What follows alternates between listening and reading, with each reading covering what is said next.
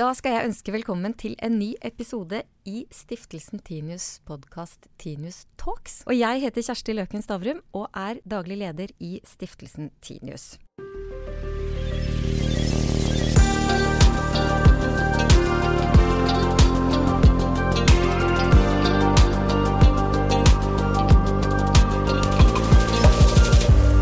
Og Stiftelsen Tinius er jo den største eieren av Schibsted. Som eier er vi jo veldig opptatt av lønnsomhet, eh, langsiktig lønnsomhet, og eh, rett og slett av hva skal vi leve av i framtiden. Og til å snakke om dette har vi da fått med oss Raoul Grünthal, som er blitt direktør for Schibsted Next etter at selskapet er blitt delt. Vi må snakke litt om det også. Men velkommen, Raoul. Tack så mycket. Liksom det intelligente spørsmålet jeg tenkte jeg skulle starte med, er hva er det neste? Det nästa är väldigt många olika saker. Men jag tror för en mediekoncern så handlar det om att eh, utifrån de styrkor man besitter, det uppdrag man upplever sig ha, så ska man försöka hitta, okej, okay, vad är våra styrkor och vad kan vi prestera jämfört med andra företag och koncerner, lokala och globala. Och så försöker man hitta de nischerna och så, ja, och så satsar man på det. Men det kan vara må många olika saker och vi kan komma tillbaka till det. Men ett sånt, sånt område som jag tycker är otroligt spännande just nu, det är ju hela finansbranschen. Och vi som har jobbat i media i många år, vi vet ju vad disruption är. Vi är vana vid att eh, se hur en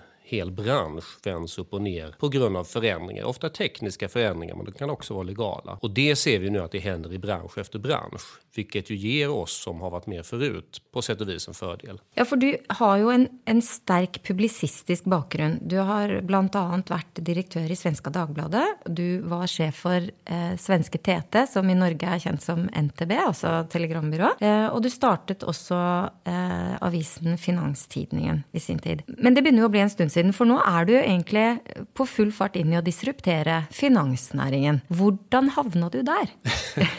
Hur gick det till? Ja. eh, nej, men jag har alltid varit intresserad av journalistik, men jag insåg ju tidigt att man kan inte se journalistik i splendid isolation. Utan det är en del av samhället, det är en del av en annan affärsidé. Så det är det som är det intressanta och också det svåra ibland att, eh, att säga, placera in publicistik i ett bredare sammanhang. Det gör man på olika sätt beroende på hur de teknologiska och de marknadsmässiga förutsättningarna ser ut. Den strategi som, som jag och vi har drivit ett tag nu, det, den går ju mycket ut på att man ser, okej, okay, vad har medieföretaget för konkurrensfördelar? Ja, det finns ett par, tre stycken. Som för exempel? Som till exempel att man når väldigt många människor varje dag. En sån enkel sak. Till exempel Aftonbladet som når nästan halva svenska folket dagligen. Men vi har ju också marknadsplatser, classifieds media, eh, som ju kanske inte når lika många varje dag men som däremot kommer väldigt djupt in i folks beteende. Man, man är med och gör affärer kort och gott.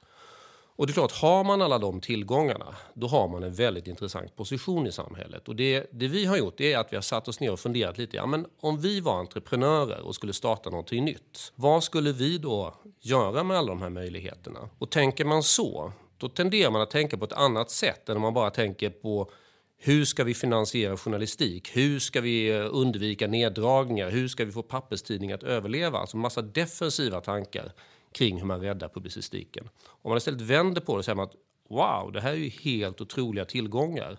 Hur skulle jag kunna använda de här tillgångarna om jag var entreprenör? Och sen när vi hittar de möjligheterna, då försöker vi också hitta entreprenörer som sitter på bra idéer. Och just nu så hittar vi dem väldigt mycket inom finansbranschen. För det är en bransch som håller på att disruptas, som det så fint heter. Ja, Det er jo plutselig et ord alle kjenner. Men, hvor, men, men altså, ikke sant? Du, du sa det jo eh, nettopp i stad at mediebransjen vi har lang erfaring i distrupsjon.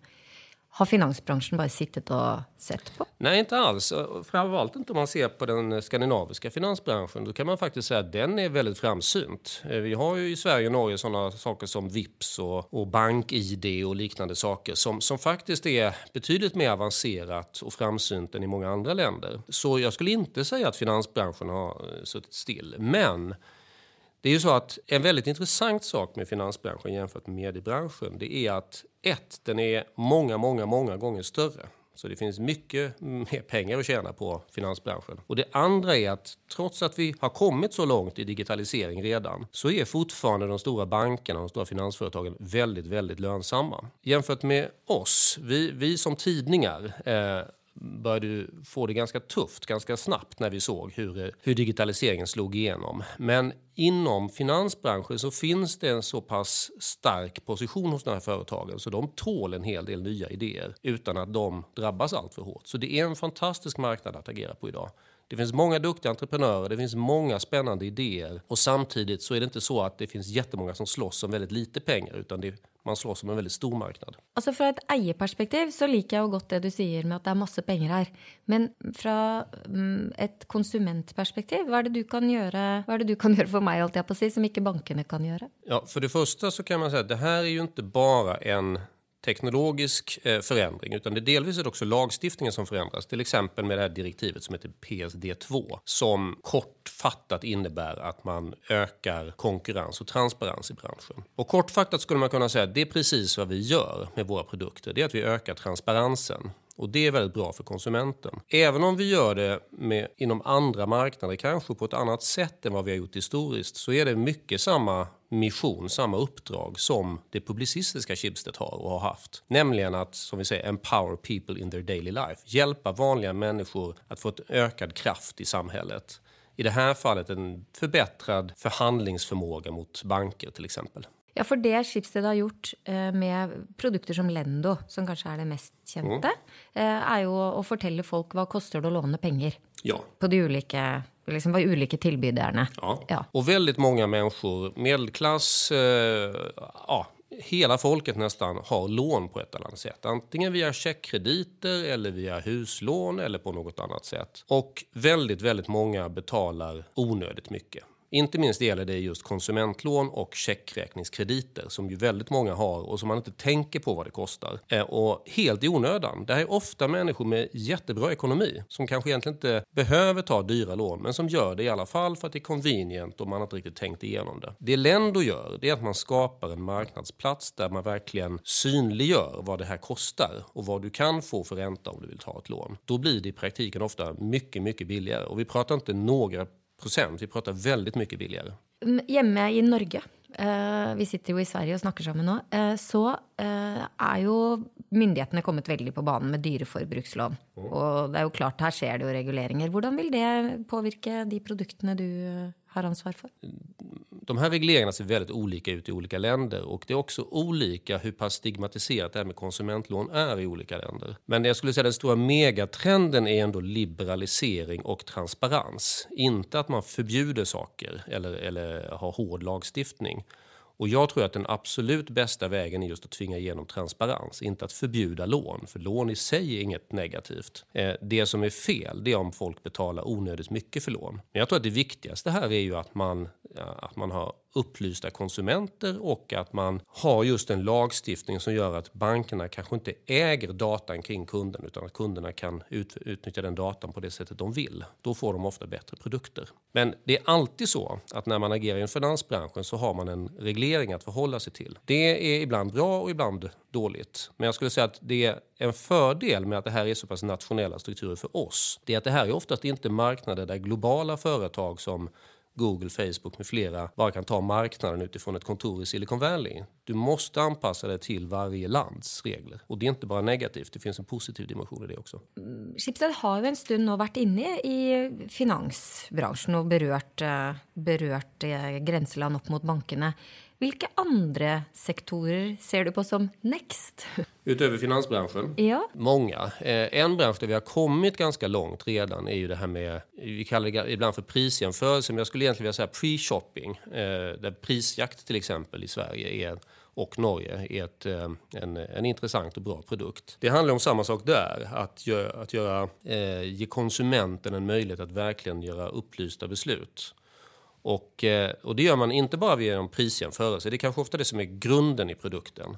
Men också genom att jämföra produktens kvalitet, hur, om det är eh, e-commerce, hur transporten ser ut etc. etc. Så det är, det är en sån bransch där vi redan har kommit ganska långt. Ett annat exempel på en bransch som just nu eh, genomgår en, eh, enorm transformation och där vi har eh, ett, stora ambitioner och där vi tror att vi kan bidra på ett bra sätt. Det är ju e-hälsa eller e-health. Där har vi inte kommit lika långt, eh, men jag hoppas att det är ett område som vi ska kunna växa i framöver. Det är en bransch som också utifrån ett konsumentperspektiv utvecklas och skapar helt nya möjligheter tack vare ny teknik. Kan du vara lite konkret? Då? Jag har i bakhuvudet det du sa i stad att medierna har noen klare fordeler, som er at de er i kontakt med mange hver dag, ja. og de går dypt inn i folks liv. Ja, og da blir jeg litt redd når du sier helse. Hvordan ska du komma in i hälsolivet mitt? Ja, men till exempel, eh, där är det ju så att vi når ut till väldigt många konsumenter och eh, det vi ser tendenser till nu det är att konsumenterna, individerna, tar allt mer ansvar och säga, makt över sin egen hälsa jämfört med tidigare då man förhöll sig bara till en doktor kanske, eller hur man nu gjorde. Och det, det, eh, för ett företag som når ut till väldigt många konsumenter hela tiden så innebär det naturligtvis att det finns synergier mellan nya idéer inom e-hälsa och medietillgångar. Och det ser vi också, även medie, eh, så att säga, hälsoföretag som vi själva inte äger marknadsför sig väldigt mycket i våra kanaler, vilket ju är ett tecken. Men bara för att ta jag tycker ett sånt här exempel på ett spännande e-hälsoföretag som vi själva inte äger men som är väldigt spännande att följa, det är det här Wear Labs där man som individ kan gå in och lämna in blodprover ganska regelbundet och så får man data kring hur man, ens värden utvecklas på ett kontinuerligt sätt även när man är frisk. Eh, och det gör man hela tiden och får då ständig data uppdaterad kring detta. Och det är väldigt enkelt och lätt att göra nu för tiden och jag tror att allt fler människor kommer göra det. Det kommer inte vara så att det bara är när man är sjuk eller att det finns en god anledning, en speciell anledning till att man går till doktorn utan det här är någonting som man följer upp ständigt så att friskvård och sjukvård eh, smälter ihop. Hur ser du för dig at eh, e-helsesporet eh, skal eh, kobles til det øvrige Schibsted. Fordi den delingen som nå har skjedd i Schibsted, ved at man har tatt ut de globale classified-sitene, men lar Norden være igjen som et eget marked, det, det, ligger jo til grunn for at man begynne å tenke mer på tvers. At de ulike ja. produktene skal spille sammen fordi man har en unik mulighet til det. Mm. Hvordan tenker du koble, hvordan kan e-helse kobles inn der? Ja, men på, på många olika sätt, men det mest uppenbara återigen är ju att vi, i och med att många av de här produkterna är konsumentorienterade, så har vi eh, så att säga, väldigt kraftfulla kanaler för att nå ut med dem. Sen blir det ju förhoppningsvis inom e-hälsa precis som det har blivit inom finans, att när vi har hållit på några år så bygger vi upp en kompetens inom området som gör att vi blir en väldigt attraktiv ägare och bra partner och coach till de entreprenörer som startar nya företag inom området. Men där har vi som sagt kommit längre inom finans än vad vi har kommit inom e-hälsa så här långt. Men det är ju förväntat att du nu ska nettopp gå nya löp. Så är det ju helt klart. Det som händer utifrån ett Schibsted-perspektiv nu det är ju att från att vi tidigare har allokerat ganska lite kapital till de här nya idéerna och det mesta av våra pengar har gått in i, i marketplaces, i marknadsplatser utanför Skandinavien. Så har vi nytt, ett nytt läge nu med en mycket stark balansräkning och med stora ambitioner inom de här områdena i Skandinavien. Men sen är det viktigt att säga också att startpunkten för nya Schibsted är naturligtvis väldigt skandinaviskt och till och med norsk-svenskt skulle jag säga.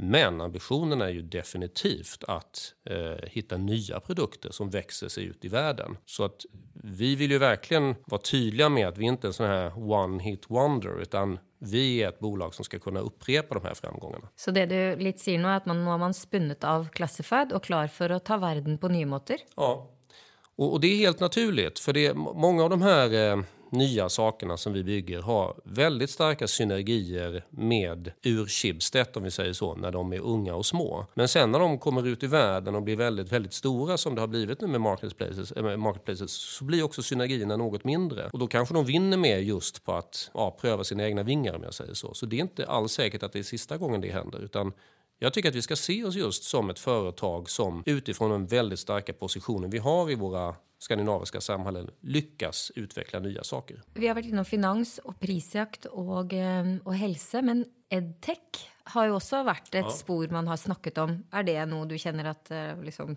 Makes ja. your heart sing. ja, men det är väldigt spännande. Eh, och vi har ju ett par eh, produkter även där. En som heter Pojo, en annan som är en mattelärare som heter eh, Albert. Ja, det är ett väldigt spännande område. Det, det är inte minst ett område där ny teknik på ett uppenbart sätt skapar möjligheter att utveckla och förbättra utbildningen. Inte minst att göra det till alla grupper. För det är ju inte så att alla Eh, i samhället har råd att ha en privatlärare som hjälper barn med läxläsning och så vidare. Men en sån produkt som Albert har faktiskt de allra flesta råd med att ha. Sen är det en mer komplex marknad eh, på så sätt till exempel att det inte det är inte självklart att man får en stor konsumentmarknad eftersom den största kunden är naturligtvis skolorna och de handlar upp på ett speciellt sätt. Och så får man se lite hur stor konsumentmarknaden blir vid sidan om det. Det är ett sånt frågetecken som finns inom den branschen. Men det är väldigt spännande för att det är, vi ser ganska ofta spännande nya produkter som, som kommer upp genom den branschen eh, och sen får man se lite hur pass spännande det blir finansiellt och ekonomiskt. Det är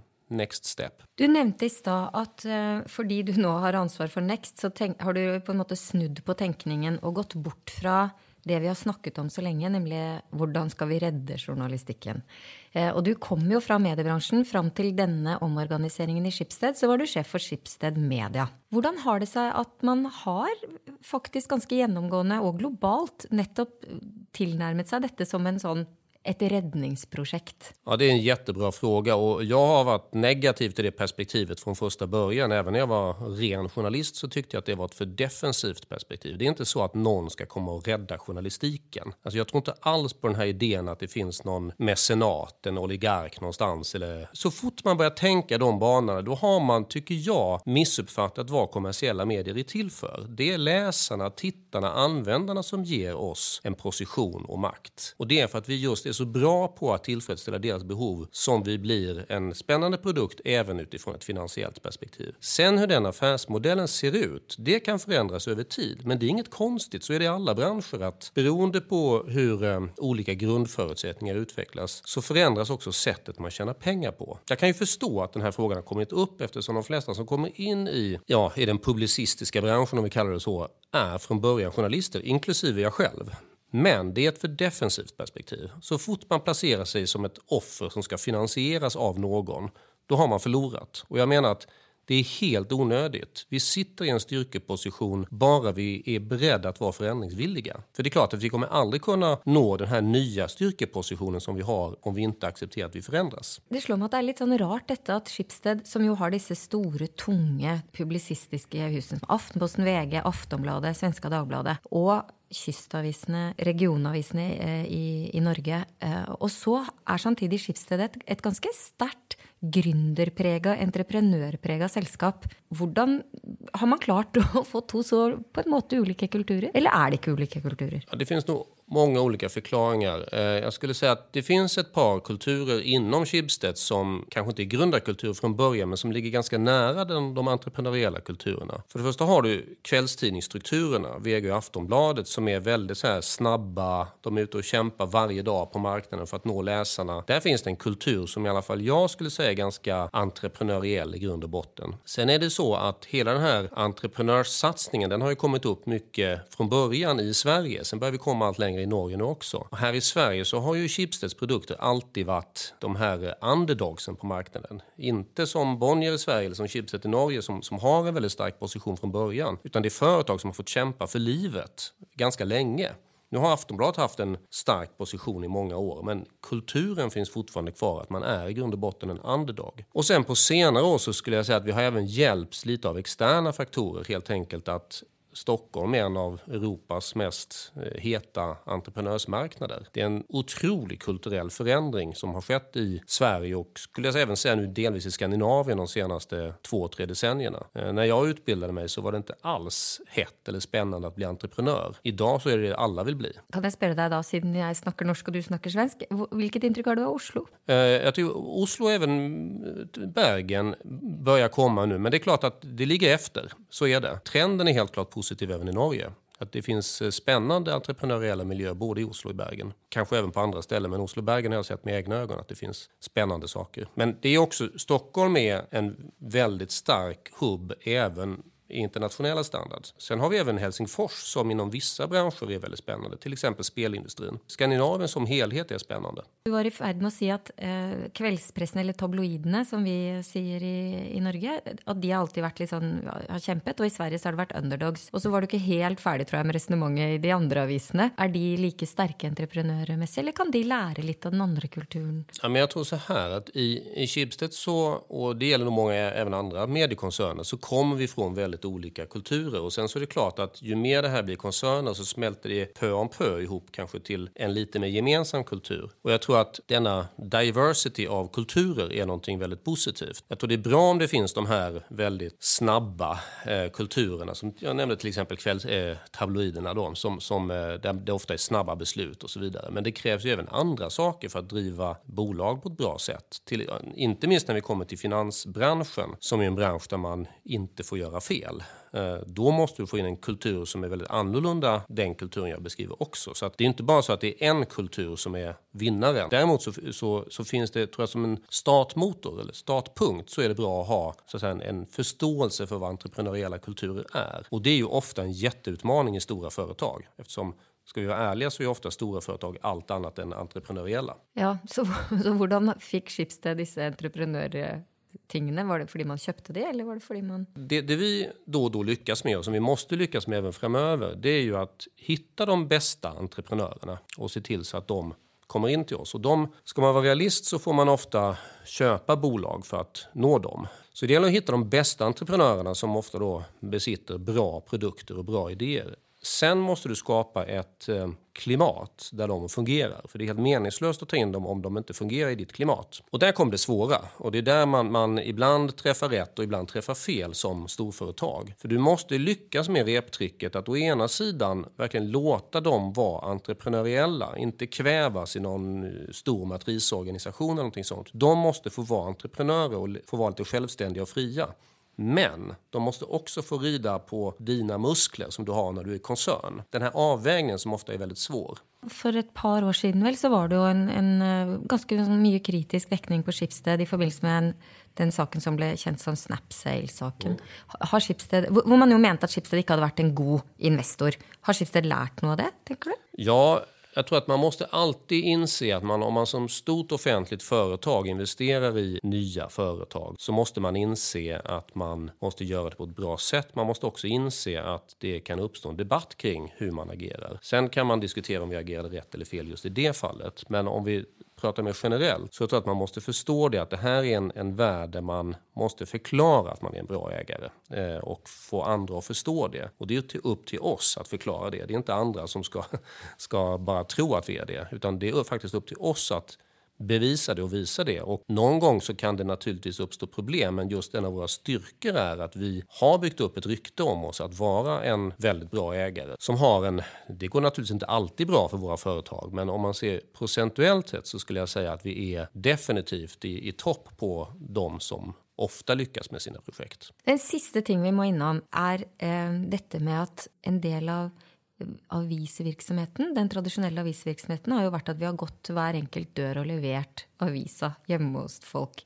Det virker jo veldig gammeldags. Men samtidig så ligger det jo en mulighet her, tenker Absolut. jeg også. Next. Hva, hva, tenker du om denne distributions, ja. det distributionsleddet i Schibsted? Vi får ju se exakt var, var, var det hamnar på sikt. Men jag skulle säga att det finns mer och mer som talar för att de distributionssystem som vi, och då pratar jag inte bara Schibsted utan vi som bransch har byggt upp i, eh, inte minst i Skandinavien, för det är där hemleverans av tidningar har varit så stort. Det är ju en fantastisk position nu när e-handeln exploderar och eh, folk allt mer vill ha produkterna hemsända. I, I Norge så har vi då ett företag som heter Helt Hjem som i princip gör det. Man hjälper e-handlare att komma hem till folk som köper e-handlarnas produkter. Det där tror jag är någonting som det växer redan väldigt mycket, men jag tror att distribution i bred bemärkelse är väldigt utvecklingsbart. Jag får ju ofta frågan hur länge kommer papperstidningen att överleva? Sant. Det är ett väldigt ofta ställt spörsmål. Mycket, ja, mycket vanlig fråga. Och Vad svarar du? Jag har naturligtvis ingen aning, men jag kan säga att den parametern som kanske är viktigast för att kunna hitta ett svar på den frågan, det är hur länge vi lyckas upprätthålla våra distributionssystem. Den infrastrukturen är ju någonting som, eh, som hela ja, papperstidningen vilar på, i alla fall morgontidningen. Eh, det är klart att här har vi en win-win.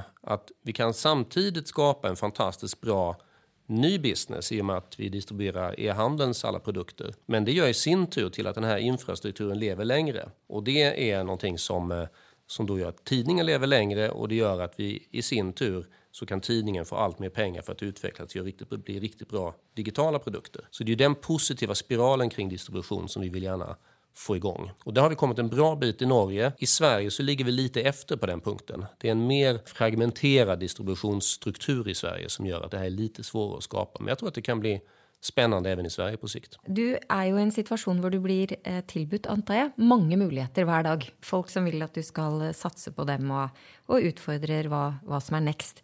Har du någon parametrar eller kriterier för hur du värderar vad Schibsted bör gå in i eller ej? Ja, dels så ska det ju vara sådana branscher där vi kan bidra som ägare eh, där vi verkligen eh, tror att vi är rätt ägare. Och viktigaste kriteriet är nästan alltid att hitta rätt entreprenör. Självklart så måste den också besitta en bra produkt, en bra idé som har kommit en bit på utvecklingen gärna. Men all erfarenhet säger oss att det är kvaliteten på entreprenören eller entreprenörerna at the end of the day som är det viktigaste. Ja, skulle du fråga många som jobbar med inom venturevärlden så, så är ju svaret ofta detsamma. Men det är verkligen sant. Att värdera entreprenören är ofta minst lika viktigt som att värdera produkten eller idén. Och vad ser, hur ser du det och hur raskt ser du det? Ja, det är en jättebra fråga. Men det är ofta det som tar tid i en process. Att eh, det handlar inte bara om att analysera siffror och produkter utan det handlar om att lära känna ofta entreprenörer på ganska tidigt stadium. Det är inte, ofta, det är inte alltid så att man får ett förslag och tackar ja eller nej utan det är så att man lär känna en entreprenör. Ofta söker vi själva upp entreprenören och så följer man varandra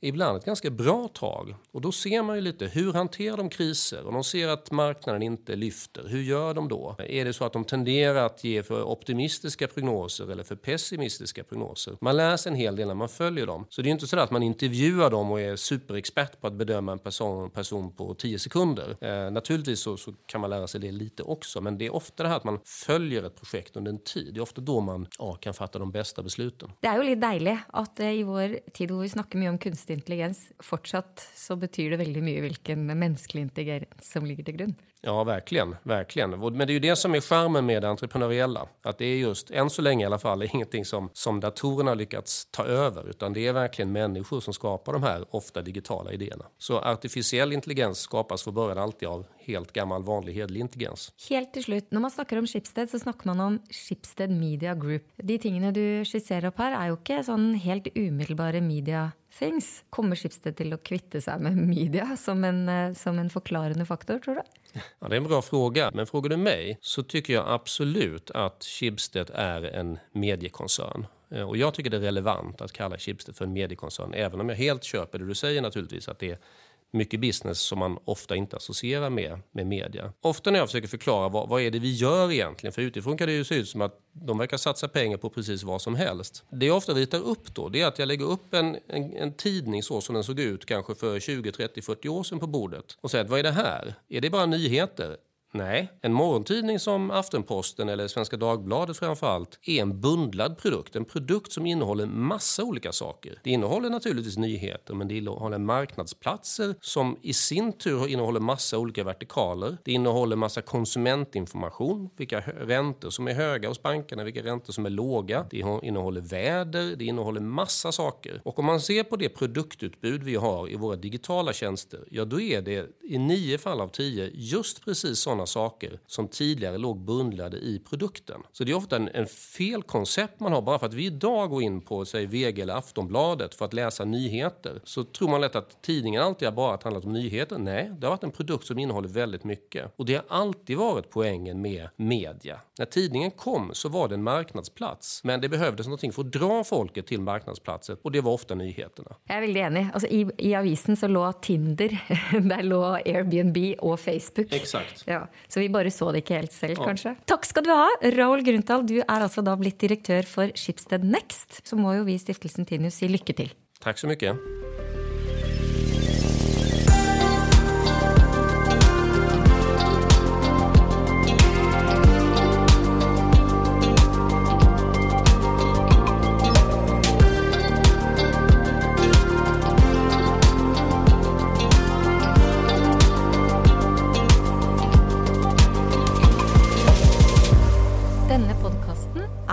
Produsert av Hansine Korslien for Stiftelsen Tinius.